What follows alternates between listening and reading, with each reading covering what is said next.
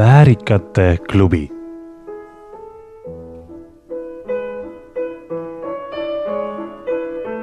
Eetris on Romet Piller ja Väärikad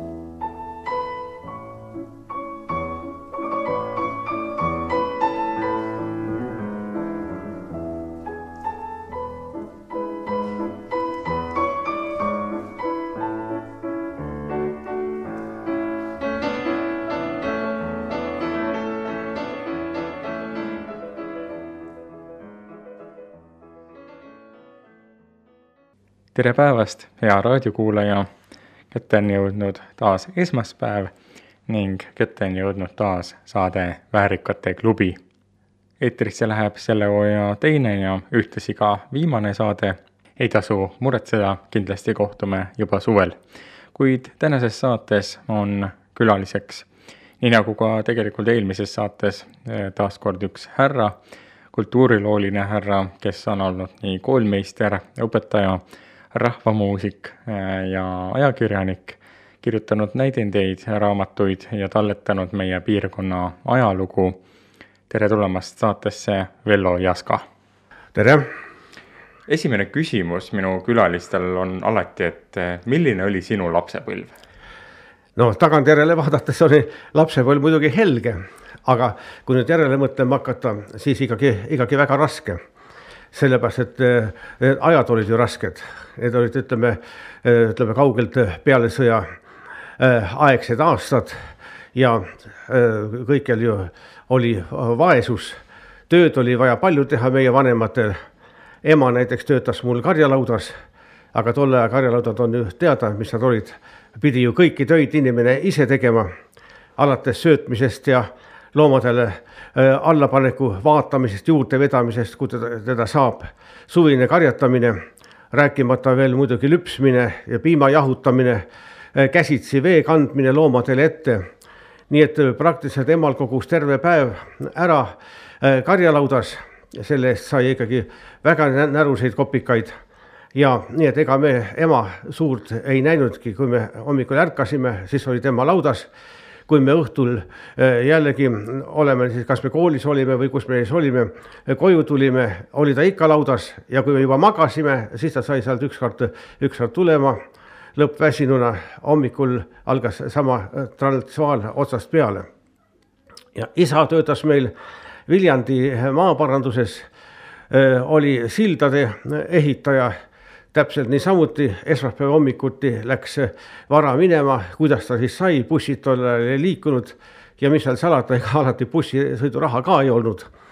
ja juhuslike autodega, kuidas see sai, laupäeviti tagasi täpselt niisamuti, nii et ega me isa ka eriti ei näinud. Õnneks oli meil vanaema, kes silma peal hoidis, aga tänu sellele, et me niimoodi seal isepäi olime kolmekesi, mina minu vend Väino ja õde Valli, siis me kasvasime küllaltki iseseisvateks ja küllaltki varakult hakkasime juba ise aru saama, mida sobib teha, mida ei sobi teha ja mida peab tegema, kuidas elada, missugused tööd on meie teha.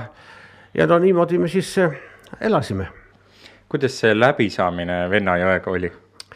E, meile läbisaamine oli e, tagantjärele normaalne, loomulikult e, iga laps, iga nooruk, iga inimene on oma karakteriga, oma iseloomuga. aga, ja kui me, me tavaliselt suutsime üksteise selgeks teha, kuidas tuleb teha, miks ma niimoodi teen, eks siis teine vaatas ise, kas ta teeb ka midagi niimoodi või teeb, teeb omamoodi. Nii et läbisaamine oli siis hea ja on ka praegu hea, käime küllaltki tihedalt läbi, vend elab äh, seal, kus minu äh, lapsepõlve kodu on, kus talu on, mille ma andsin oma venna perele ära. Ja käime tihti üksteisele külas. õde elas pikka aega Petserimaal, oli seal eesti keele õpetaja ja eesti kultuuri õpetaja, nii et kohtusime muidugi vähem siis, kui tema Eestisse sai tulla aga telefonid on ju tänapäeval olemas, meilid on olemas, nii et kontaktid on head ja läbisaamine nii tagantjärele vaadates kui ka, kui ka praegu väga hea. milline see lapse nii-öelda argipäev oli, milliseid mänge te mängisite või oli vaja hoopis karjas käia? no selliseid mänguasju, kui, kui praegu loomulikult ei olnud. Ja võib-olla on ka hea, et ei olnud, sellepärast et, et praegu tavaliselt on nii, et ostetakse ühte kui teist. laps mängib paar minutit ära, viskab selle nurka, võtab jälle teise, siis ta tüdineb sellest kõigest ära. Ma mäletan, et meie tavaliselt mängisime loomadega, meil olid seal noh, oma loomad olid kanad, lambad, lehmad, vasikad. Me käisime nende, nende juures ja meil meeldis karja juures käia. ja noh, teinekord isegi rääkisime nendega äh, äh, loomadega, nemad jäid ilusti kuulama, oli põnev, oli põnev vaadata ja ähm, isa tegi meile mõned puust mänguasjad, mul on nii meeles, et ta, et ta voolis meile puust ühe lehma. naabri onu, äh, kes oli Siberist parasjagu tagasi tulnud, tegi ühe, ühest lauast tegi viiuli noh, ütleme siis niimoodi õigemini öeldes viiulitaolise asja, siis me imiteerisime sellega mängimist ja eks me leidsime ise ja oma naabrilastega ka missuguseid mänge teha, liikumismängud põhiliselt õues. aga need on ju kasulikud tervisele ja, ja põnevad. kui tuli aeg kooli minna, mida mäletad esimesest koolipäevast ja kuidas see koolitöö alguse sai? jah, mäletan küll. Läksin Pikasilla kooli, kuna me sündisime, kasvasime ja meie vanematega koos elasime tol ajal ju Pikasela lähedal äh, põldude sees olevas Liutsepa talus. omal ajal oli see suur ja nimekas talu, noh, ka tol ajal oli ta juba kolhoositöötajate äh, eluase. ema viis mind Pikasela kooli esimesse klassi ja mul on nii, nii meeles, vaatasime sealt ukse pealt koos emaga, ema vaatas ilmselt, et kuhu siis mind istuma panna otse õpetaja laua vastas äh, istus üks poiss. tema nimi oli, äh, pärast tuli muidugi ilmsiks äh, Haas, Jaan, Jaan Haas. ja ema läks siis tema juurde, võttis minul käest kinni ja küsis, et kas sul on juba lauanaaber olemas või? Jaan ütles vastu, et ei ole. tema ütles noh, mulle, et noh, istu siis siia ja saage ilusti sõpradeks ja, ja hakake siis ilusti õppima ja koolin käima ja olge siis hea poisi ja nii oli minu koolipäev siis alanud. No muidugi kurioosum oli muidugi selline, et ega me selle Jaaniga eh, noh, tead aasta lõpuni koos ei saanud olla, sest me tikkusime juttu ajama ja nii nagu ikka tol ajal pandi siis eh, noh, eri pinkide, pinkidesse jälle ja ja äh, aga igal sügisel me muidugi istusime jälle, jälle koos ja oli ka muidugi sellised õppeaastad, kuna me eakamaks saime juba ja jäime rahulikumaks ja saime aru, et kuidas koolis olla ja käituda ja, ja saime ilusti lõpuni koos ära kah istutud nii et suur sõprus ikkagi sündis siis sellest istuma vanemist? suur sõprus sündis, kahjuks praegu on ta, on ta katkenud. mul on nii meeles sellest samast esimesest koolipäevast ja esimesest kooliaastast. meie klassi juhatajaks sai õpetaja Helve Pulk. ma olen temaga kohtunud ja äh, meilitsi ja telefonitsi kohtusime ka siis, kui ma kirjutasin raamatut Pikasela koolist ja Pikasela inimestest, seal, kus Emajõgi voolab, siis ma palusin ka temalt intervjuud sellesse raamatusse äh, esitlusele. Ta kahjuks ei saanud tulla, aeg on ikka oma töö teinud, tervis ei, ei lubanud, aga intervjuu ma sain, ta on raamatus sees aga meeles on sellest heast õpetajast see, et, et kui ma istusin seal esimeses pingis, kui õpetaja tuli äh, klassi, me kõik seisime loomulikult püsti. õpetaja läks minust niimoodi mööda, mina vaatasin tavaliselt niimoodi üles temale näkku ja tema mööda minnes silitas minu pead ja see sai siis iga tunni ajal niimoodi päevast päeva, niikaua kui äh, ta meid õpetas, tähendab neljanda klassi lõpuni. sellest on väga helge ja soe mälestus jäänud ennem mainisid, et äh, ikkagi äh, pinginaabriga siis hakkasid juttu ajama ja siis pandi lahku istuma, aga et milliseid krutskeid veel kooli ajal tehtud sai? no neid ikka, neid ikka muidugi sai. Äh, mina olevat olnud väga elav poiss ja ükskord olevat kooli direktor Milvi Katt, väga legendaarne inimene, kes on oma elutöö Pikasela koolis teinud, olevat emale ütelnud, et et äh, see on selline poiss, kes mingeid väga, mingit halba ei tee, ta ei, ei varasta, ei peksa, äh, ei, äh, ei valeta, aga ta on niivõrd elav, jookseb ringi, et ei püsi pudeliski paigal. no põhiliselt noh, energiat täis poiss, nii nagu, nii nagu ikka juhtub olema kui praegu koolis õpilased käivad igal pool huviringides ja tegelevad kõige muuga ka kooli kõrvalt, siis kuidas toona oli? Noh, sel ajal oli huviringe loomulikult vähem, aga, aga neid oli. mäletan väga hästi, kui õpetaja Bernhard Katt ja legendaarne Olav Napritson, kes meile vahetevahel niimoodi kehalist kasvatust andsid, käisime jooksmas, käisime suusatamas, käisime eh, püssi laskmas, sinna kruusakarjääri oli tehtud eh, lasketiir.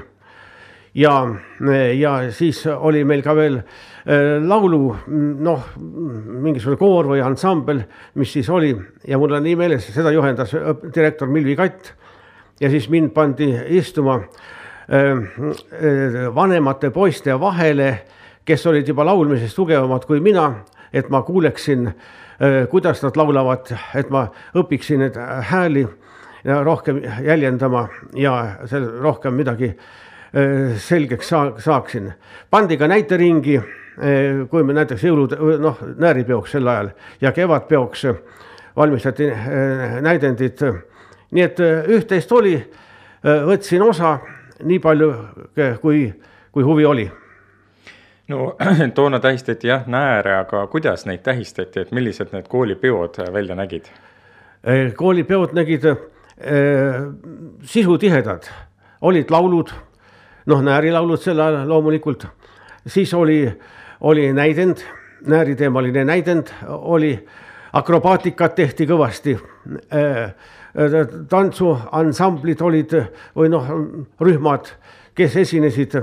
Ja see on veel täpselt meeles, et, et kui oli õpilaste nääripidu või ükskõik mis pidu, õpilaste pidu, siis oli alati Pikassela kooli uus saal, me nimetame seda uueks saaliks, sest ta oli uus saal, oli alati rahvast täis. oli nii õpilasi kui ka nende vanemaid ja tulid ka täiskasvanud, kes ümberringi elasid, sellepärast et selline tunne oli, tohutu kogukonna tunne, et inimesed hoidsid kokku, olgu nad täiskasvanud või õpilased, mitte mingisugust vahet ei, ei tehtud. ja kui pärast eeskava, siis oli tavaliselt ikkagi tants, siis lükati need pikad pingid, oli tol ajal ju no,, igal juhul eraldi tooli ei olnud, lükati ping, pikad pingid kokku niimoodi ja tantsisid nii täiskasvanud kui ka õpilased äh, sealsamas ühte sedasama tantsu, nii kuidas keegi, keegi oskas ja keegi kellegi peale midagi põlastavalt ei vaadanud. õpetajad lõid kaasa, tehti ringmänge, laulumänge tehti sel ajal. nii et elu oli väga lõbus ja peod olid lõbusad. Mis sai pärast Pikassila kooli lõpetamist? pärast Pikassila kooli lõpetamist äh, tuli, tulime siis ähm, äh, siia äh, lähemale äh, Valga EPT-le, lähemale Ritsule lähemale on üks talu äh,, kus asusime elama, sellepärast et isa vahetas töökohta äh,, tuli äh, Valga EPT-sse tööle, sama töö oli küll muidugi, aga lähemale äh, siia sellele kandile, sellepärast et, et minu ema vanemad kes elasid tol ajal Karjaturmes, nende tervis läks nii palju kehvaks, et nad ei saanud enam iseseisvalt hakkama. ja siis oli vaja nendele lähemale tulla, et neid pidevalt ähm, abistamas käia. ja siis tuli Tõrva äh,, Tõrva keskkool äh,, kus ma siis lõpetasin äh,. üksteist klassi oli tol ajal. millised mälestused Tõrvas õppimisest on? noh, algul oli raske, kooli vahetamine oli, oli ju küllalt raske, tuli väga palju järgi õppida ja noh, iseseisvat tööd teha, aga, aga kool oli muidugi väga tugev. meelde on jäänud see, et, et mind võeti, võeti Tõrva keskkooli puhkpilliorkestrisse, seda juhendas tuntud muusik tol ajal Elmar Metsoja kes oli tollal Silganis ainuke inimene, kes oli võimeline puhkpilliorkestrit juhendama. ja puhkpilli harjutused käisid meil seal, kus praegu, praegu on, enne oli Kevade keskus selles pikas maas, kus praegu tervisekeskus ehitatakse. seal oli meil siis need harjutusruumid ja me saime mängida, saime lugusid õppida ja saime ka mitmel noh, üritusel esineda millised need äh, mälestused on õpetajatest, kuidas need õpetajad oma aineid ja teadmisi õpilastele edasi andsid? õpetajad olid väga targad, see paistis kohe silma. eriti on meelde jäänud õpetaja Kalju Kirsimäe, kes meil õpetas füüsikat. tema tuli, tuli klassi, niimoodi oli päevik kaasas ja mm, mõned sellised paberid veel aga kogu selle materjali, tunni materjali, mis tal oli, selle ta luges meile peast ette, selgitas, ütles, et see kirjutage üles, seda on kindlasti väga vaja, selle asja saate raamatust kätte, see pange niisama tähele ja pidage, pidage meeles. nii et õpetajad on oma ala professionaalid.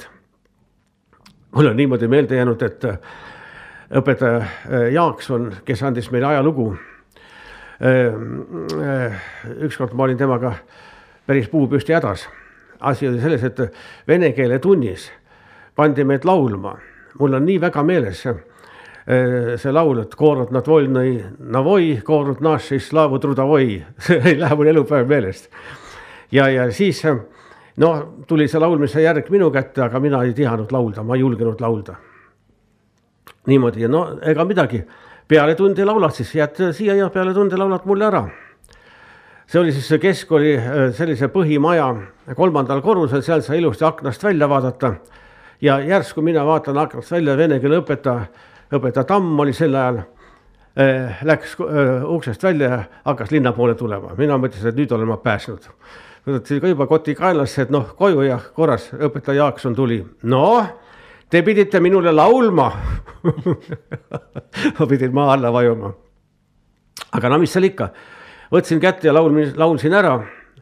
järgmisel päeval tuli siis õpetaja Tamm eh, klassi, pani mulle viie ja ütles niimoodi, et eh, õpetaja Jaakson oli kõvasti seda laulmist kiitnud, noh, kas seal nüüd oli midagi kiita või ei olnud, aga, aga, aga ära ma laulsin.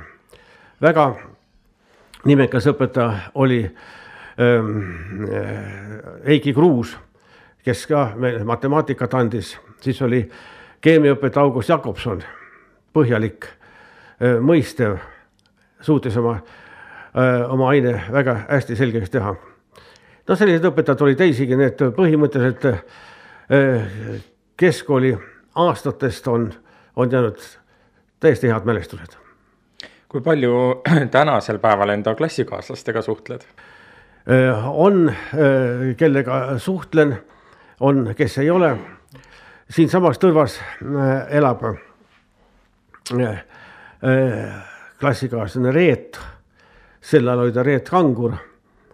noh, helistame, käime vastastikku külas.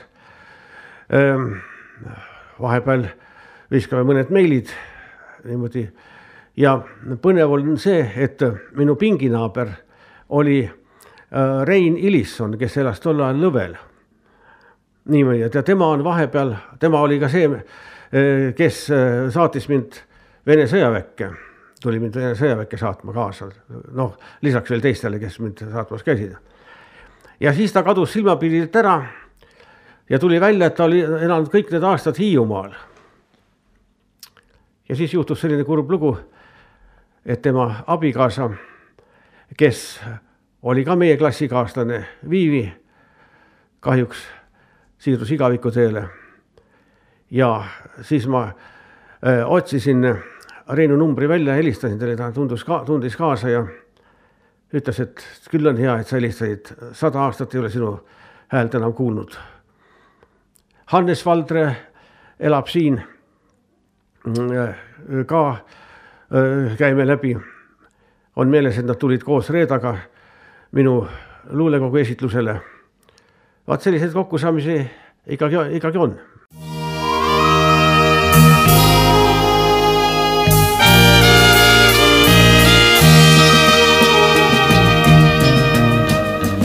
üks ainus kord su sõnad võtsin ma, ning pilgud need, mis kinkisid mul sa.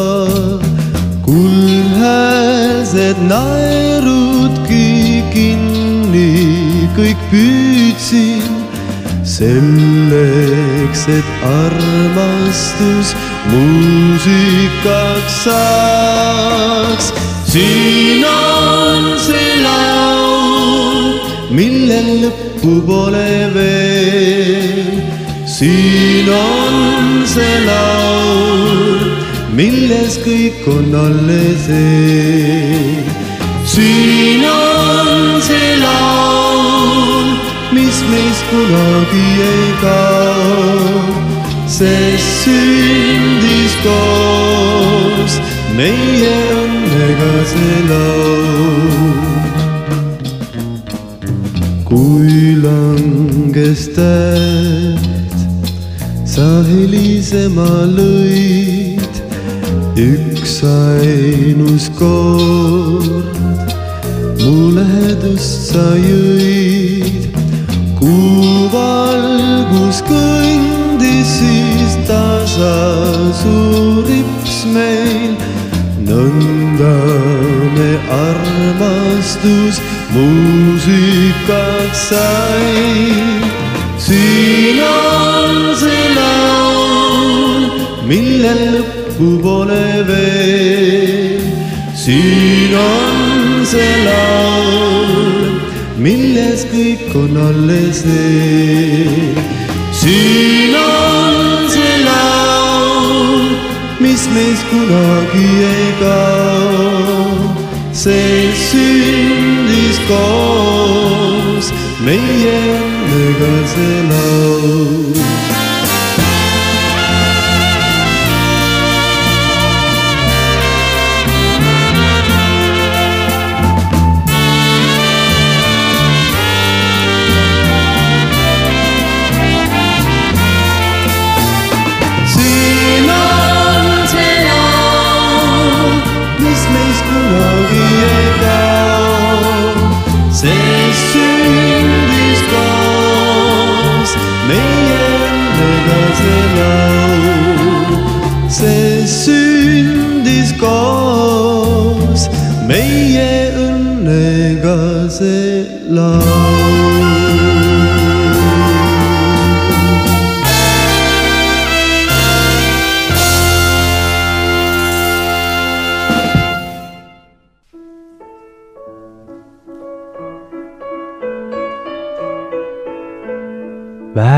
Väärikate klubi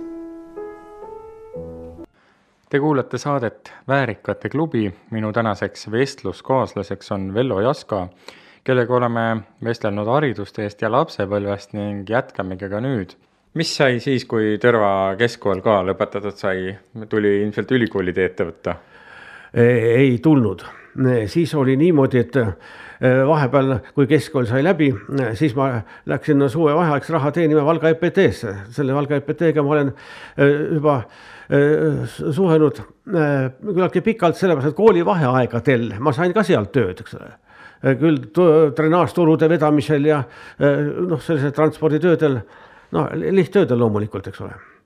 ja siis olin ka Valga EPT-s tööl ja tulen ühel õhtul koju ja vaatan, emal on silmad märjad, ma küsin, miks sa nutad. sõjakomissar Sirge oli sel ajal, oli käinud siis meie pool, küsinud, kus poiss on, ema ütelnud, et poiss on tööl. et ütelge talle edasi, et ta peab homme sõja, sõjaväkke minema. et nii äkitselt see asi käis ja siis oligi niimoodi, hommikul läksin siis töö juurde, ütlesin ülemustel töökaaslastele ära, et mul on selline minek nüüd, eks ole, ja EPT rahvas, juhtkond oli niivõrd mõistev, andis kohe bussi. Enno Leesment oli tol ajal veel bussijuht, ta praegu elab siin, minu noh, kasvukaaslane.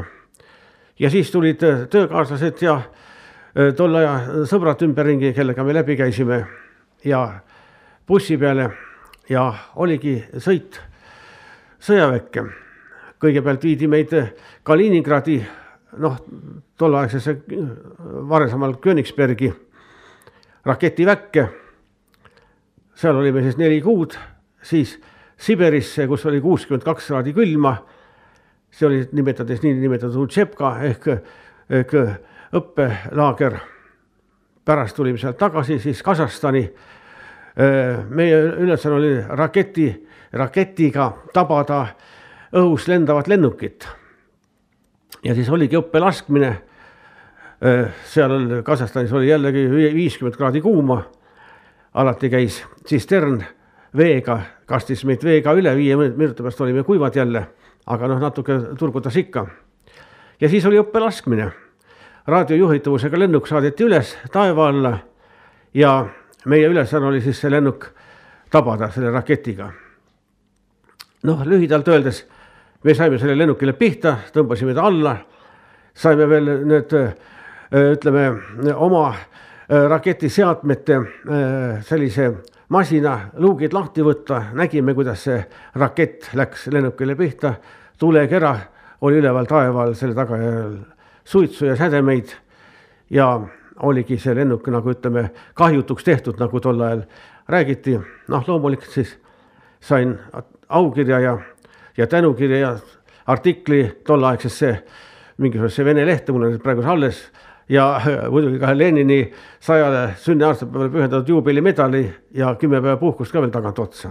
mida see sõjaväe siis aeg õpetas sulle? Äh, mina ei kahetse, et ma sõjaväkke läksin, esiteks ma sain väga palju näha seda Venemaad, no kuidas ma sinna Siberisse muidugi oleks trehvanud. ja kuidas ma sinna polügooni peale muidugi oleks trehvanud, kuidas ma seda lennukit muidugi alla oleks lastud, saanud lasta. loomulikult mitte üksinda, seal oli terve meeskond, aga minu äh, roll oli just see, et see lennuk ekraanile püüda ja siis hoida äh, lokaatorit tehniliste vahenditega loomulikult niimoodi, et see pidevalt oleks äh, lennuki peale, et signaal tuleks pidevalt sinna sisse ja et ähm, see rakett oskaks siis selle järgi, selle signaali järgi lennukile pihta minna. Ähm, meil oli väga palju erinevalt, erinevast rahvusest inimesi, nii nagu ikka tol ajal, kõik olid ju segi, segi löödud. Äh, õppisime nendega suhtlema, rääkima.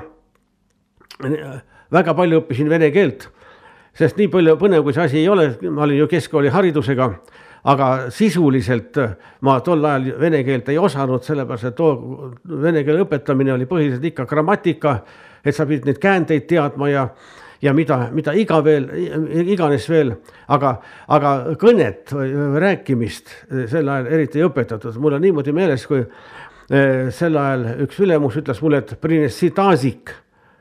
noh, too mingisugune kauss siis või nõu või midagi taolist ma ei saanud aru, mis see tähendab, ühesõnaga elementaarne kõneoskus puudus. aga kui ma tulin tagasi, siis ma olin ja olen praegu siiamaale valmis vene keeles suhtlema. Vene sõjaväest tagasitulek oli mul põnev.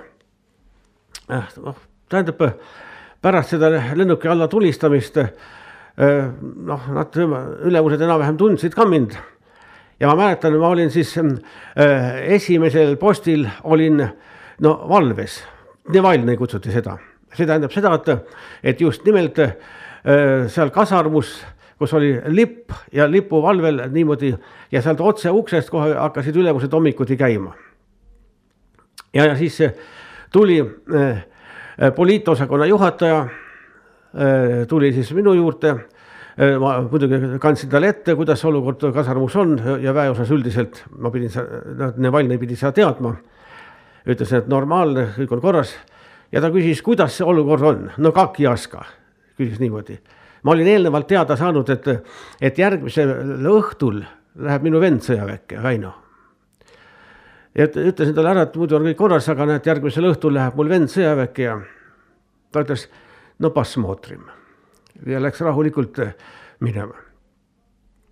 Läks tunnikene mööda ja äh, üteldi, et äh, helistati staabist, et sinu asemel tuleb teine sinna noh, siis selle lipu juurde valvesse äh,, tule staapi äh,. auto ootab sind, lähed äh, sinna äh, rongijaama, pannakse sind rongi peale ja sõidad koju. no vot ja täpselt niimoodi oligi anti, anti natuke raha kaasa, palju seal veel, mäleta, palju seal oli, vähe küll loomulikult. pandi rongi peale, noh, Kaliningradist ju teab, mis maa oli, mingi kaheksasada kilomeetrit või midagi. sõitsin Riiga, seal istusin ringi ja täpselt, kui ma jõudsin koju, siis oli niimoodi, et vend oli oma sõjaväe saatjatega parasjagu lauas, toimus selline vestlus, nagu öeldakse enne äraminekut. Buss oli ees, niimoodi, aga kõige põnevam on see, et ema oli rääkinud nendele, kes seal kõik koos olid et ütelge, mis te tahate, aga mina nägin unes, et Vellu saab enne koju, kui Väinu sõjaväkke läheb. no teised hakkasid hurjutama, et no tuleb siin selline moment ja traagiline sündmus, poeg läheb sul ära ja sina hakkad siin oma unenägu rääkima. ja mina olevat täpselt samal ajal siis tuppa sisse astunud. Siis olid kõigil karp lahti jäänud, et noh, on hetki ja olukordi, mis võivad ka täppi minna. noh, siis ei olnud mul ka muud, kui uuesti bussi peale ja, ja venda saatma. kui vend siis saadetud sai ja nüüd olid tagasi sõjaväest, mis siis edasi sai?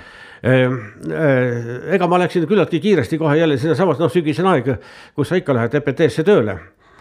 seal olin siis ehitusel niimoodi siis tõstukijuht, jupp aega asendasin siis brigadiiri ja, ja nii edasi. ja noh, edasi õppida tahtsin muidugi. õde äh, oli mul lõpetanud just vahetult Tallinna Pedagoogilise Instituudi ja eesti keele kirjanduse erialal. noh, üritasin siis sinna sisse saada, siis kui jälle selleks aeg tuli. ja sain sisse ja siis lõpetasin selle, selle ära ja siis, aga loomulikult kaugõppes, sellepärast et meie vanematel ei oleks mitte mingisugust võimalust olnud meid toetada. Noh, nad olid juba sel ajal küllaltki eakad, ikkagi palgad olid veel ääretult viletsad ja minu südametunnistus ei oleks seda nüüd välja kannatanudki, et ma ütlen, et nüüd ma lähen, lähen Tallinnasse aastateks ja te peate mind toetama. Kaugõppes ja samas üheaegselt hakkasin tööle ka Aakre koolis eesti keele kirjanduse ja tööõpetusõpetajana. milline õpetaja sa olid no tähendab, äh, püüdsin olla mõistev, püüdsin aru saada, püüdsin äh, juhendada ja selgitada ja kõik oma emotsioonid, mis teinekord lõkkele löövad, äh, maha, maha suruda. Aga just nimelt sellist nimelt tehtud sigadusi ma ei, ei ole kunagi kannatanud ja kannata praegu ka lisaks õpetajaametile juhtus ka see, et olid Ummulis koolijuht. jah, siis oli niimoodi, et, et täpselt mäletan, haridusosakonna juhataja oli siis äh, Sisask, Sisaski nimeline. ja tema oli saanud kokku minu õega. Äh, ja oli ütelnud, et ole kena, ütle Vellole edasi, et me tahame, et ta hakkaks äh, Ummuli koolis direktoriks. Äh, ma ei olnud mõtelnud kunagi mingisugune direktor olla ja ei andnud mitte mingisugust vastust. ja siis tuli seesama sisask minu juurde koju, ma mäletan, me just tulime Aakre, see oli kevadine aeg, Aakre kolhosist põllu pealt mm, korjasime kive, ma olin tolmune ja, ja, ja mis iganes parasjagu pesin seal ja tema istus mul trepi peale ja ja äh, nii kaua rääkis ja, ja rääkis, et on ikkagi vaja. ja äh, ma ütlesin siis nii, et no ma käin seal siis Ummulis ära, vaatan siis, kuidas seal on. noh, väga ilus ju mõisaloss, niimoodi ilus, ilus, väga ilus loodus. ja otsustasin, et jah, hakkan direktoriks. Mida sa ennem siis teadsid, mida direktor tegema peab ei, mitte midagi teadnud noh, nii palju ma teadsin, et, et tuleb äh, kollektiiviga äh, head suhted luua, jälle mõista ja püüda olla õiglane iga õpetaja suhtes, niisamuti nagu iga koolitöötaja suhtes, iga, iga õpilase suhtes.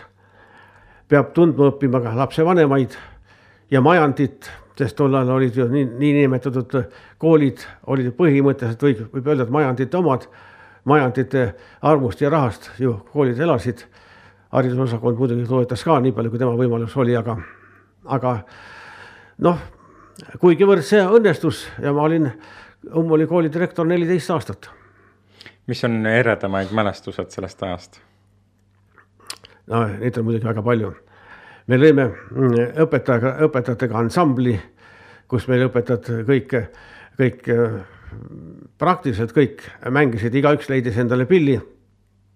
ja, ja siis isegi, isegi koolipidudel esinesime. aga kõige, kõige suuremaks ürituseks on muidugi see, et me igal suvel korraldasime õpetajatele, koolitöötajatele, lastevanematele ja, ja majanditöötajatele nii palju, kui ühte bussi mahub, ekskursiooni. Ja alati oli suund Musta mere äärde. ja need majand oli, selles osas tuli vastu, andis alati bussi, ta teadis juba, et suvel tuleb ekskursioon. Ja valmistas juba selleks ette, remontis bussi ära. Ja, ja siis äh, valmistasime need marsruudid ette, ette. Ja noh, väga head sidemed olid ka tol ajal haridusosakonna ametiühingu komiteega. Sealt saime, saime toetust ka, nii et ega meil need ekskursioonid kalliks ei läinud. aga see paar nädalat, mis me igal suvel praktiliselt ära olime Musta mere ääres, seal päikese all ja need andsid ikka väga palju jõudu järgmisteks äh, koolitundideks, päevadeks ja kuudeks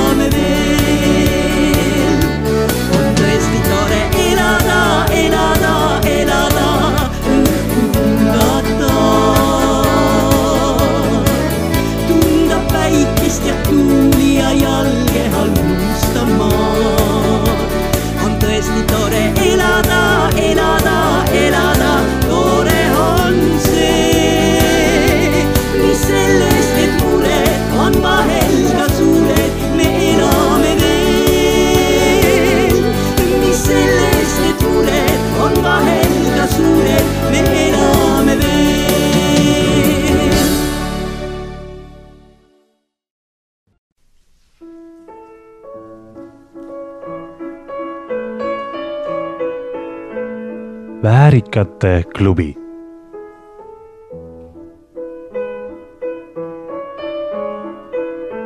Eetris on Romet Piller ja Väärikad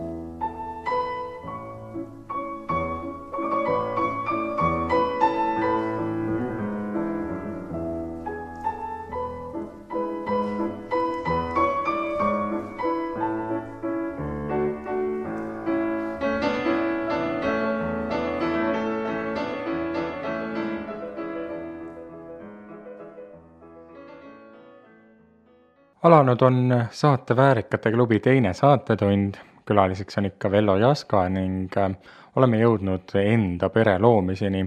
kuidas see enda pere loomine tuli ja kuidas selleni jõudsid? noh, see tuleb nii nagu, nagu ikka tuleb. nii nagu ikka tuleb. oma koolis töötas õpetaja, andis kehalist kasvatust ja siis ühel hetkel otsustasime pere luua ja sündis äh, tütar Triin, kes praegu elab oma perega äh, Valgas. mõne aja pärast sündis poeg Tambet, kes elab siis praegu äh, minu talus ja see on Karjaturmes. ja selle talu ma kinkisin siis poja perele ära, kuna mul ise õnnestus Tõrva osta maja mulle ei olnud nagu, nagu plaaniski seda talu siis nagu endale hoida, vaid ikka, et oleks lastele midagi anda. aga kahjuks on nüüd nii läinud, et, et minu abikaasa on ka praegu selleks juba siis igavikuradadel käimas. mis on see, mida sa oled enda lastelt õppinud? jah, võib-olla just nimelt seda kokkuhoidmist, sest et et praegu on meil äh, selline pere, perekond, nii tütrepere kui ka pojapere ja kõik lähevad sugulased-tuttavad ja isegi äh, ümberkaudsed mõningad inimesed, kes äh, just harrastavad seda kooskäimist. nüüd jõuluõhtul olime, oli, olime koos, peame koos tähtpäevi, perekondlikke tähtpäevi ja püüame lapselapsi äh, õpetada, arendada nii palju kui võimalik, ütleme just nimelt seda kokkuhoidmist ja vastastikust lugupidamist on meil ikkagi peres olnud. aga nüüd siis see, see kirjanduse pool, et kas see võib tulla siis sellest ikkagi, et sai õpitud äh, sellist eriala ülikoolis või millest see tuli, et nüüd ise midagi kirjutama hakata? No vot, selle, läheb see nüüd edasi niimoodi, et, et kui ma olin aja, Ummuli kooli direktor, siis järsku tuli Valgast parteikomiteest eh, kolmas sekretär, kes oli, on just nimelt ideoloogia sekretär ja ütles, et nemad tahavad mind saata Leningradi parteikooli. ja põhjenduseks toodi see, et, et sellist noormeest olevat eh, Nõukogude noorsoo kasvatamisele väga vaja no heakene küll, mul ei olnud plaaniks sinna kooli minna. aga parasjagu leidis minu õde ajalehest teate, et Tartu Ülikool võtab kõrghariduse baasil õppima ajakirjandusse õpilasi, noh, üliõpilasi siis, just nimelt kõrghariduse baasil. aga kuna mul oli enne juba noh, luuletusi ilmunud ajalehes ja artikleid ja ja midagi ja tingimus oligi see, et eelnevalt tuleb ülikooli žurnalistika kateedrisse saata eelnevalt ilmunud tööd. ega mul neid hoitud, alles hoitud ei olnud, siis ma läksin äh, sinna rajooni lehe juurde. Valga kommunist oli seekord, otsisime need kaustadest minu artikleid välja, mul on nii meeles. Kaljo Jullis oli mul siis selline tuttav, kellega me koostööd tegime ja tema rebis sealt kaustadest siis äh, välja kõik need minu artiklid ja luuletused ja ja, ja mm, siis ma äh, panin need ilusti pakki ja saatsin kateedrisse. et noh, saage mis saab, nii palju mul neid on ja, ja niisugused nad on ja. ja tuligi vastus, palun tulla vestlustele ja eksamitele. no läksin siis sinna ja kõigepealt küsiti üht ja teist ja kolmandat ja, ja eksamid ka ja, ja võeti vastu. ja siis tuli uuesti mingil ajal sealt äh, Valgast see kõrge ülemus siis sinna ja et noh, et nüüd on siis paras dokumendid ära täita ja ma ütlesin, et kahjuks enam ei saa, et ma juba olen üliõpilane Tartu Ülikoolis, et, et mind võeti vastu ja ma pean sellest meeldivast ettepanekust kahjuks loobuma. noh, tema ütles siis, et kahju küll, aga soovis edu ja, ja siis niimoodi ma sain ülikooli sisse ja lõpetasin selle ka ära. loomulikult ikka muidugi kaugõppes jälle. aga noh, kuna mul oli juba eelnevalt artikleid ilmunud ja mõned luuletused ja siis siit noh, edasi minna oli juba noh, nagu, nagu loogiline jätk, et midagi siis kirjutama hakata. tegelikult mõned laste näidendid ilmusid mul juba Aakre koolipäevil, kui ma kirjutasin näiteks Näärideks näidendi, mis, mida ka ette kanti ja pärast see koolidirektor Johannes, Johannes Toomas, kes enne oli haridusosakonna juhataja, ütles, et noh, et päris hea kuna tollal neid laste näidendeid oli, oli vähe ja kui nüüd mõni oligi, siis sellest ideoloogiast läbi eh, põimitud, noh, see nagu eriti ei läinud ja no vot nii ta, nii ta hakkaski järjest, ühed, ühed luuletused ja näidendid ja, ja siis mõni art-, art, artikleid ka ajalehtedes, ajakirjanduses üsna paljudes ja niimoodi on ta nüüd siiamaani läinud. Milline oli esimene raamat, mis ilmus? jah, seda ma mäletan ka. esimene raamat oli Luulekogu ja selle pealkiri oli Mööda Kõnnumaad. seda on mul veel paar eksemplari alles, nüüd ma olen igast raamatust püüdnud paar tükki ikkagi, ikkagi hoida endale, et, et midagigi oma fondi ka jääks. no minu temaatika selles on ikkagi maainimesed, maaelu, looduskirjeldused, inimestevahelised suhted ja tunded Äh, aga ma olen ses suhtes küllaltki emotsionaalne, nii et, et neid tundepuhanguid on seal ikka küllalt palju. kui äh, oled kirjutanud äh, päris mitmeid näidendeid, siis kuidas sul endal lood nii-öelda lavale näitlejana astumisega on? ega ma nüüd eriti hoidunud ei ole, aga, aga et ma, et see nüüd minu kutsumus oleks, seda ka mitte ma olen esinenud, esinenud äh, niisama oma selles ähm, kõige suuremas näidendis Tõrva legend, mis etend-, etendati kahe tuhande viiendal aastal Vana-Mõisa järve ääres, kus äh, kaasa lõid umbes kolmsada inimest ja publikut oli tuhat kaheksasada või isegi rohkem. seal ma mängisin Karl-Robert Jakobsoni. Olen ka mänginud nendes näidendites, mis toimusid, äh, toimusid Ants Kirsipuule kuuluvas Pallo talus neid oli veel kolm näidendit, ka minu kirjutatud näidendid. seal äh, mängisin. noh lavastaja Kiira Soovares on meid mujale poole veel pannud, oleme ka ülevaatustel käinud. ja ühe näidendiga mille pealkiri oli Otsida ja leida millega me, see oli mm, nüüd kahe tuhande viiendal aastal esinesime sellega vabariigi näiteringide harrastusteatrite ülevaatusel ja seal sai see näidend vabariigi laureaadi tiitli, et seal ma ka esinesin ja mängisin. kui palju neid näidendeid kokku sinu sulest ilmunud on? minu andmetel kaheksateist. Need on ka nüüd kõik lavastatud lavastamata on ainult üks näidend ja selle selle pealkiri on Niisugust suusamaratoni me tahtsime juhtus nii, et see näidend oli mul tellitud. aga, ja siis, kui ta valmis sai, sai ka lavastada selle näidend endale. aga siis tulid vahepeal niivõrd vesised talved, et ei olnud võimalik seda näidendit etendada niimoodi. ja no praegu on nii, et see juhendaja oli noh, Venemaa eestlane, väga tore inimene. Anita Pavlovna aga siis ta nüüd mingil hetkel läks Venemaale tagasi ja praegu on see näidend lavastamata, aga tal oli, tal oli visioon olemas, sest ta kavatses seda teha niinimetatud Tartu maratoni eh, noh, eeskujul või, või niimoodi, aga noh, tänavu tal ehk oleks saanudki teha, aga praegu on ta jah, tegemata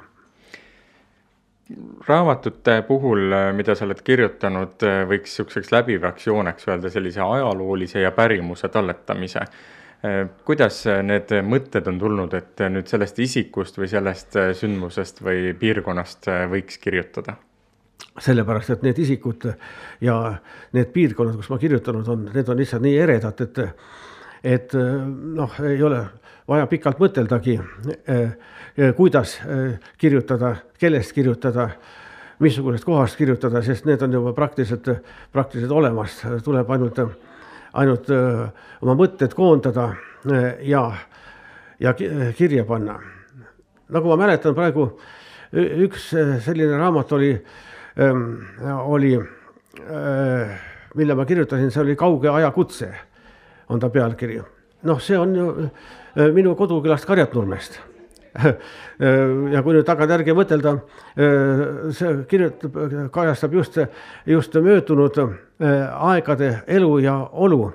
kui nüüd natukene uurida seda, seda ajalugu, seda küla ajalugu, piirkonna ajalugu ja meenutada neid inimesi, kes seal elanud on Äh, siis on ju äh, selge, et äh, sa teab, kui palju seda fantaasiat või midagi juurde panna vaja ei ole, sest elu ise on ju selle nagu selle raamatu temaatika kätte toonud ja tuleb ainult, ainult kaante vahele panna.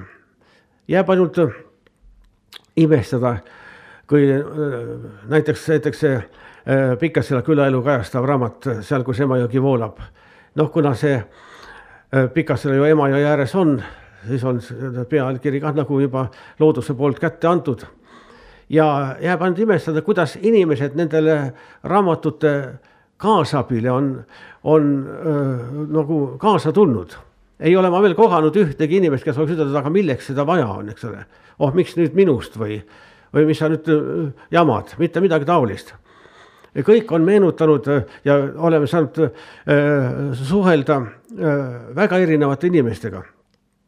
ja kõigil on olnud oma ajalugu, oma, oma elulugu, mis on seotud selle piirkonnaga, eks ole, ja, ja selle, seda temaatika on tegelikult nii ammendamatu, et mõnest kohast, mõnest piirkonnast võiks kirjutada mitu raamatut, aga, aga no kuna mahud on piiratud, rahalised vahendid on piiratud, siis on üldiselt rahuldatud ka nende väljaannetega, mis on saanud kande vahele pandud.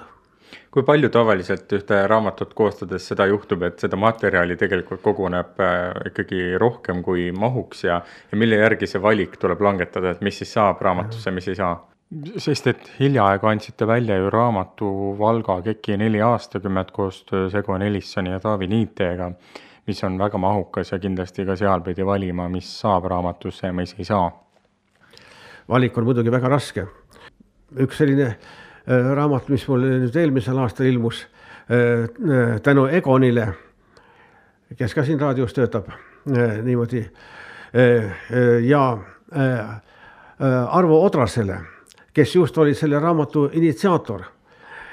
ja raamat oli väga-väga, materjal oli väga mahukalt ja ta oleks olnud veel mahukam, kui oleks saanud selle raamatu kaante vahele panna umbes viis aastat varem, kui oli planeeritud.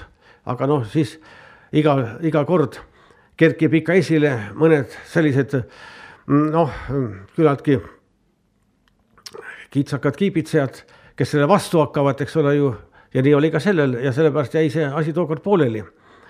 aga noh, siis hakkas Arvo ikka uuesti, et nüüd me peame ikka selle tegema, sai tehtud, materjali sai palju, valik sai selline, mingi valiku ju peab tegema ja jällegi piirajaks ikkagi maht ja, ja raha, aga noh, seekord sedasi muusika on olnud äh, selline läbiv äh, termin, kui sind kuulata praegu. kuidas sa mäletad, milline see esimene kokkupuude muusikaga üldse oli? see on mul selgesti meeles Äh, elasime siis ikka veel sealsamas Pikas silas Liutsepa talus äh, põldude sees ja metsade taga. ja minu naabripoiss Heino Paul, äh, tema tuli siis meile külla, lumi, talvine aeg oli. niimoodi, tema oli, temale oli ostetud Vene Karmoška ja, ja noh, eks ta seda natuke mängis ka juba niimoodi ja ema ütles minule, et et ole kena veel, võta ka pill ja proovi ka midagi mängida. ja mina olevat vastu ütelnud niimoodi, et ei mitte mingil juhul, see ei ole meeste töö, tead, eks ole. mina olevat niimoodi vastu ütelnud. aga siis, kui me juba elasime äh, Karjatnurmes, tuli Vene sõjaväest koju üks noormees, tema nimi oli Kase Madis, Madis Kase. temal oli akordion ja tema hakkas meie isa pool äh, malet mängimas käima. ja ükskord tuli sinna, võttis siis akordioni kaasa ja mängis meile ka. Niimoodi ja, ja äh, jättis selle akordioni meie poole. mina kuulsin, kui ta mängis niimoodi, midagi jäi meelde ka. ja siis oli ühel hommikul niimoodi, et mina ütlen emale, et mina täna kooli minna ei saa me käisime tookord alakoolis, mul jäi eelnevalt mainimata, et enne keskkooli tulekut äh, olin paar aastat alakoolis, sest et alakooli oli sel, lõpetasin, alakooli ala kaheksaklassises koolis siis. Mina kooli minna ei saa, et ma olen väga haige, midagi teha, kurk on valus ja, ja pea valutab ja, ja mis iganes. Ema tõi mulle siis kõiksugused kuuma teed ja, ja, ja mett ja mis ta mulle andis ja äkki läheb paremaks, ma ütlen, ei ole paremaks siin midagi läinud. Ema ütles, et hea küll, ole siis seekord täna kodus, et küllap siis äh, homme läheb, äh, homseks läheb üle ja, ja oled rahulikult teki all ja, ja, ja ise läks lauda juurde. No loomulikult ei olnud haige ega midagi, hüppasin siis üles, võtsin selle akordi ja hakkasin kiitsutama. ja, ja mis seal nüüd tuli, midagi tuli, aga ühel hetkel ma tundsin, et keegi on mul selja taga ja pöörasin siis ringi ja vaatasin, ema vaatas ukse vahelt äh, mind. ja ainuke, mis ta mulle siis ütles, noh, ma arvasin muidugi, et nüüd koos tuleb mulle valetamisest ja kõik nii edasi. Ainuke, mis ema mulle ütles, et noh, nüüd oled sa siis oma rohu kätte saanud. tõmbas ukse kinni ja mina püüdsin ikka edasi.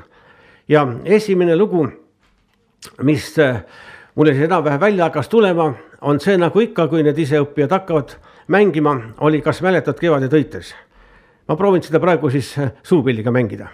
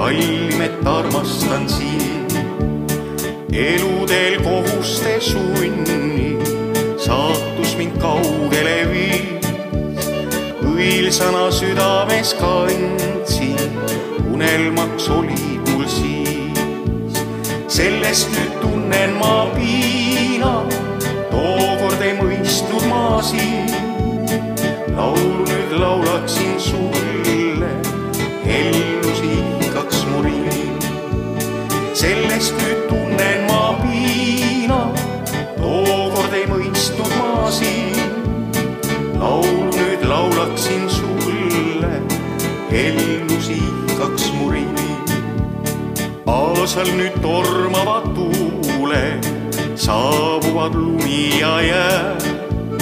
külmana laulavad huuled, tuimaks kõik hellused jääb. sellest nüüd möödunud päevi, kadunud aegade rutt, mälestus jäänud vaid mulle, kaunis kui hea muinasjutt sellest nüüd möödunud päevi, kadunud aegade rutt. mälestus jäänud vaid mulle, kaunis kui hea muinasjutt.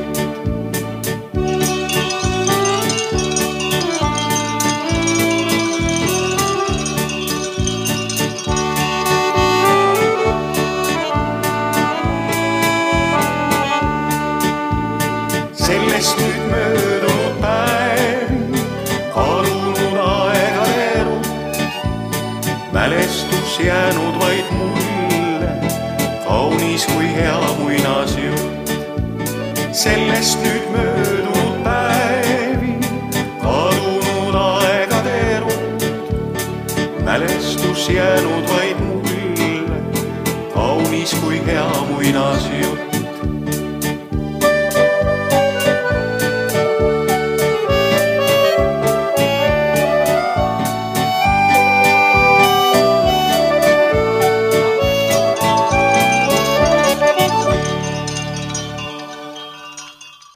Saade Väärikate klubi on see, mida kuulate. mina olen saatejuht Romet Piller ja vestlen täna Vello Jaskaga. äsja kuulasime Vello Jaska esituses Suupillil mängitud lugu Kas mäletad kevadet õites ja seejärel ka Toivo Nikepensuse esituses sama pala. muusikaga on kokkupuudet Vello aga sul veel, lisaks akordionile kuulsime just siis Suupilli mis pille veel mängid ja milline see kokkupuude muusikaga on? kunagi ma sain osta äh, ühe äh, päevi näinud Teppo Lõõtsa ehk, ehk Eesti Lõõtsa, niimoodi teda kutsutakse. ta oli äh, armetusseisus. tahtis väga parandada, uut lõõtsa oli vaja. aga see pill on ju niimoodi nii keeruline, et, et ega mul sellest alguses, algul küll mitte midagi välja ei tulnud aga noh, nüüd mõni lugu ikka, ikkagi juba tuleb, oleks aega rohkem olnud, oleks ju võib-olla pareminigi tulnud, aga noh, eks omal tasemel midagi ja ega ma ju kuskile ülevaatusele minema ei hakka. ja teisest küljest, ega mul ju mingit muusikalist haridust ei ole, sest tol ajal neid muusikakoole ju kuskil ei olnud. ja minu põhiline muusikaline haridus on meil ansamblis ja koolitanud on meil põhiliselt ansambli juhendaja Thea Leitmaa, kes on ikka väga, väga musikaalne ja väga pedantne, ta ei salli ühtegi vale nooti. ja ma olen korduvalt tema põlastavaid pilke pidanud taluma, sellepärast et mul on viltu on läinud, aga, aga noh, proovid uuesti ja, ja võib-olla mõni asi läheb paremini ka ja aga noh, omal tasemel ma üht-teist ikka olen võimeline ära mängima kuidas see tee rahvamuusikani sinu puhul tuli, kuidas sa jõudsid ansamblisse mängima? jah, see on mul ka meeles. sel ajal oli, oli Rahvamaa juhataja legendaarne Markvart, Saale Markvart.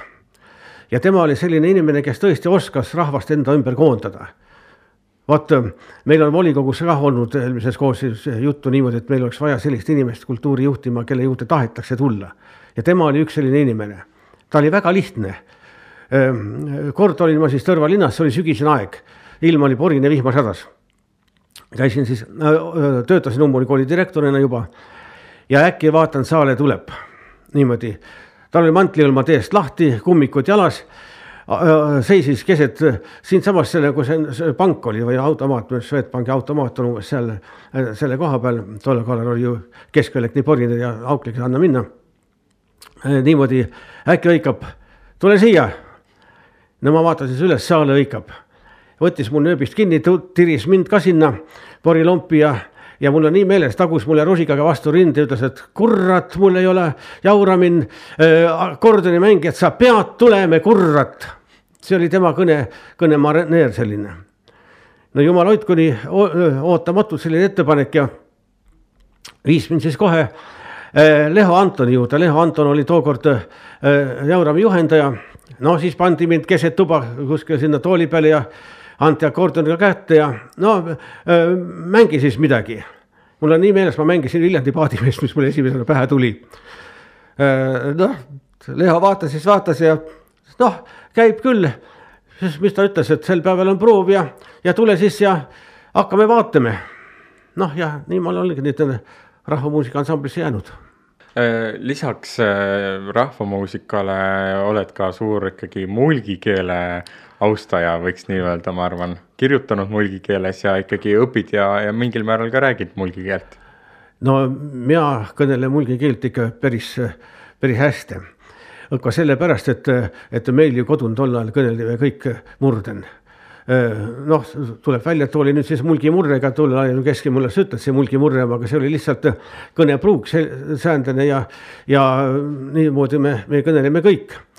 Vahepealsed aastad enne tohi muidugi murden kõnelda, seda enam veel koolin ja seda enam veel õpetajana või, või direktori ametit pidada, aga noh nüüd võib ju igaüks kõnelda, kuidas ta kõnelda mõistab ja, ja see, et mulgi keele nüüd on kõnelema hakatud ja seda mulgi murret niimoodi on püütu au sisse tõsta ja, ja edasi viia, nagu meil siinkandil praegu on, on minu meelest on see, see väga hea ja teine, teisest küljest on ka päris süda läheb lämmes, kui kuuled, kui keski ka mulgi keelen kõneleb ja, ja seda päris, päris tõsiselt võtab, mitte mingisuguse naljanumbrina mainisid siin ka põgusalt volikogu tööd, oled ju tegelikult nii-öelda kohalikus poliitikas päris pikalt kaasa löönud, kuidas see nüüd sinuni tulnud? Ehm, see tuli küllaltki halvasti, sellepärast niimoodi, et, et eelmisesse volikogusse ma kandideerisin ka, ka niimoodi jäin ühe häälega välja, nii nagu seekordki. aga siis juhtus niimoodi, et, et kellega me koos siin kandideerisime ja need neid äh, platvorme koostasime, äh, Toivo Põldmaa tervis läks niivõrd halvaks, et ühel hetkel ta läks lihtsalt siit maisest elust ära. ja siis mina olin tema asendusliikmena siis äh, volikogus. ja noh, sai siis päris mitu mõtet seal volikogus algatatud. üks selline mõte, mis on mulle alati südamelähedane olnud ja mida tuleks ka nüüd edasi ajada, on Tõrva äh, Rahvateatri loomine. ja see sai ka sisse pandud eelmise volikogu kultuurikomisjoni tööplaani niimoodi, aga no nüüd äh, kuna ma praegu volikogus ei ole, ei oska mina ütelda, kas seda viib keegi edasi, seda mõtet äh, või, või ei vii.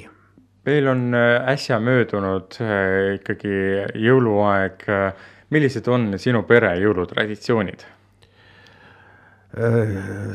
see on see, nii nagu on olnud lapsest saadik.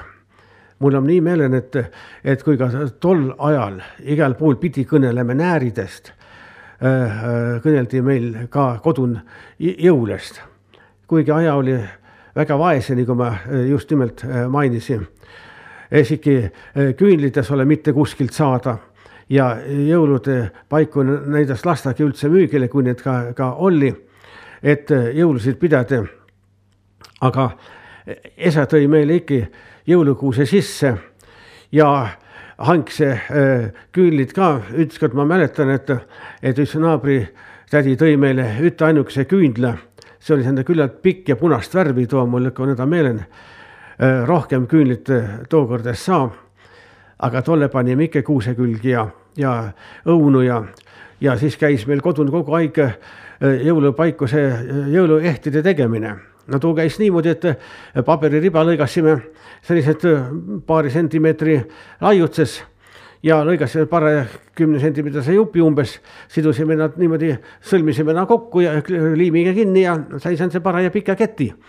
ja nii siis panime jõulukuuse külgi. no siis vatti pandi, õunu pandi, mõni komm kuju pandi ja, ja no siis istusime seal jõulukuusemann, tuba küteti lämmesse. laua peale pandi kah, mis oli no, midagi, midagi ikka, ahjun praeti ja kardulisi ja selliseid asju ikka oli ja, ja, ja oli meil ikka jõuluõhtu päris säände hää. jõuluvana käis ka, mul on see niimoodi meelen seast jõuluvana kostüümi muidugi ei ole kuskilt võtta. ükskord mina vaatan, keski koputab kindlasti, sisse tuleb siis niimoodi, üteldi, et see on jõuluvana. palit oli äh, tagurpidi tõmmatu, selga pantu, mingisugune asi oli pähen kah, luuaväres oli kähen selle ma, sellest ma sain aru, et, et ema kummik oli jalan, aga muidu saame mitte millestki aru ja siis anti meile ikka pakki kah ja kästi salmi lugeda ja noh, jõuluõhtu nagu, nagu midagi. millised äh, praegu tänapäeval need äh, traditsioonid on, kas midagi on säilinud või, või on kõik uus? säilinud on, on väga, väga palju. näiteks see salmi lugemine, see on väga, väga põnev. ma olen küllaltki palju jõuluvanaks käinud, nii et ikkagi nüüd on mul juba omal punane kostüüm olemas, kepp on olemas, kingikott on olemas, tavaliselt on ikka küllaltki palju pakke, mis lastele andas ja põnev on see, et kui mõni laitsev oma luuletuse selges õppin, siis ta äh, tahab seda otsast lõpuni lugeda äh,. ta võtab isegi, vaatab sulle silmaauku niimoodi ja ta loeb selle luuletuse läbi nii ihu ja, ja hingega ja siis, kui sa teda kitad ja päekest silitad talle midagi paki kätte annad, siis ta on nii, nii õnnelik, et, et noh, kohe-kohe näed, et see on tema jaoks väga suur asi see, see on, on, on siis, mis on, mis on jäänud ja küll tahaks loota, et see on see traditsiooni nagu jõulud ja jõulusalmide õpp, õppimine ja, ja luuletuste lugemine ja mõni oma luuletused ennu ja mõni püüab ka mõni naljavärsi ette lugeda, no nalja peab ka saama, mis siis nüüd ikka ära ei ole. esipüüad ka mõne naljanumbri sinna sekka teha või ütelda või midagi ja ühesõnaga kuigi jõulupeos oleme selle vaikse, rahuliku ja sellise tagasihoidliku, siis vähemalt, et jõuluvana tulek peab ikka natuke elevust tooma sellesse seltskonda ja noh, mina olen püüdnud seda teha. mis on see, millest sa praegu rõõmu tunned? loomulikult äh, sellest ilusast talveilmast. praegu on ju võrratu, äh, sellist äh, ilma on ju alati oodatud, lumevalgus, vaat needsamad jääkardinad akna taga, kui siis päike kiirgab lumelagendikel lausa silmi pimestavalt, see on võrratu nägemus, puud ja põõsad on lumevati sees. lund on, saab suusatamas käia ja noh ega meil ei ole ju praegu elul üldiselt viga ja sellises äh, talveidüllis äh, elada, no minu meelest on see võrratu. Kui suupill juba sai kaasa võetud, kas siis äh, saame lõpetuseks veel ühe loo kuulda? lõpetuses kuuleme ühe loo, mis on vist selge küll igale inimesele, et tema ei, ei, selle loo pealkiri ja, ja temaatika ei tasu vist küll, ei ole, ei ole mõtet lahti seletada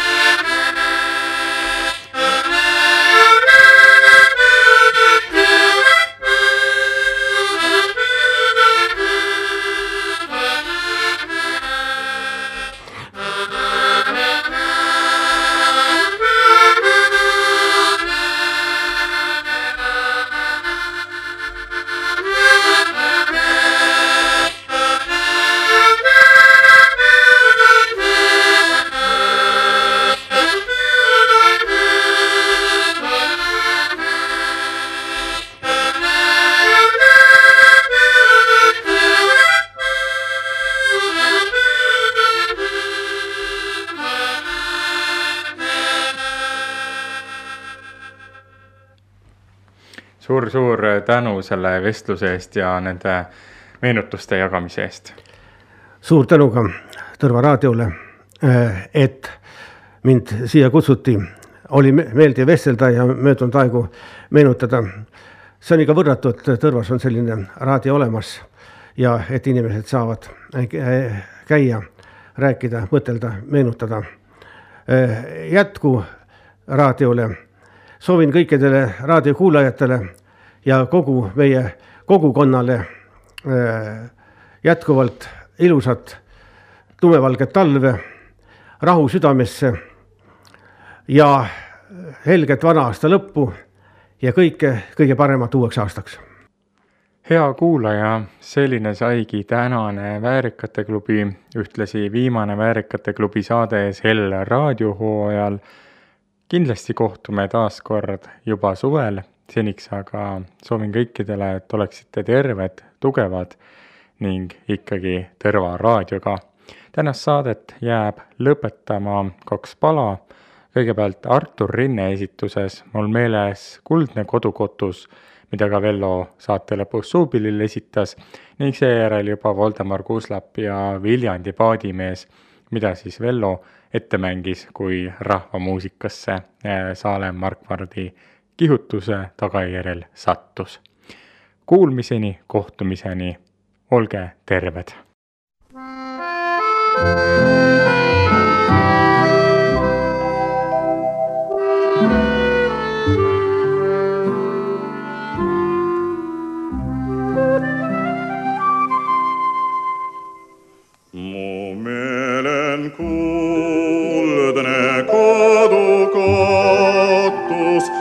sagedast näund vilsest. kas on sa öösa kallis katus, mu varjas väikest lapsekest. kas on sa öösa kallis katus, mu varjas väikest käest lapsekest. mäest alla mööda Kopli veere ma palla jalu paterdi ning ringi üle rida saare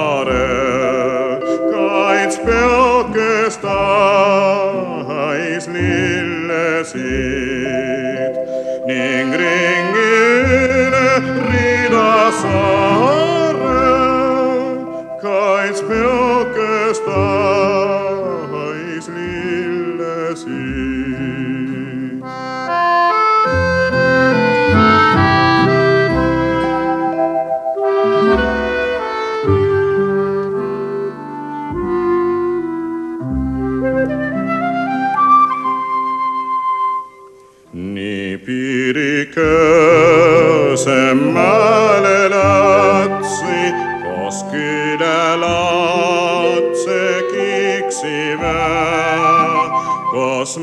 märt ja maie ainuatsi, mu kaugelt juba hõiksive. Kos märt ja maie ainuatsi, mu kaugelt juba hõiksive koos vahest ka veel ikki saime, kui pajupilv meil katski läits või varba vastu kivi läime või karmanisest katteväits või varba vastu kivi läime. karmanisest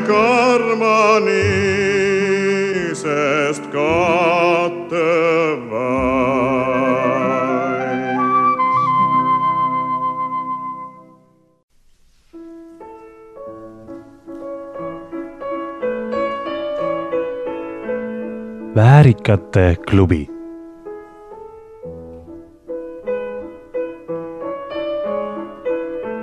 Eetris on Romet Piller ja Väärikad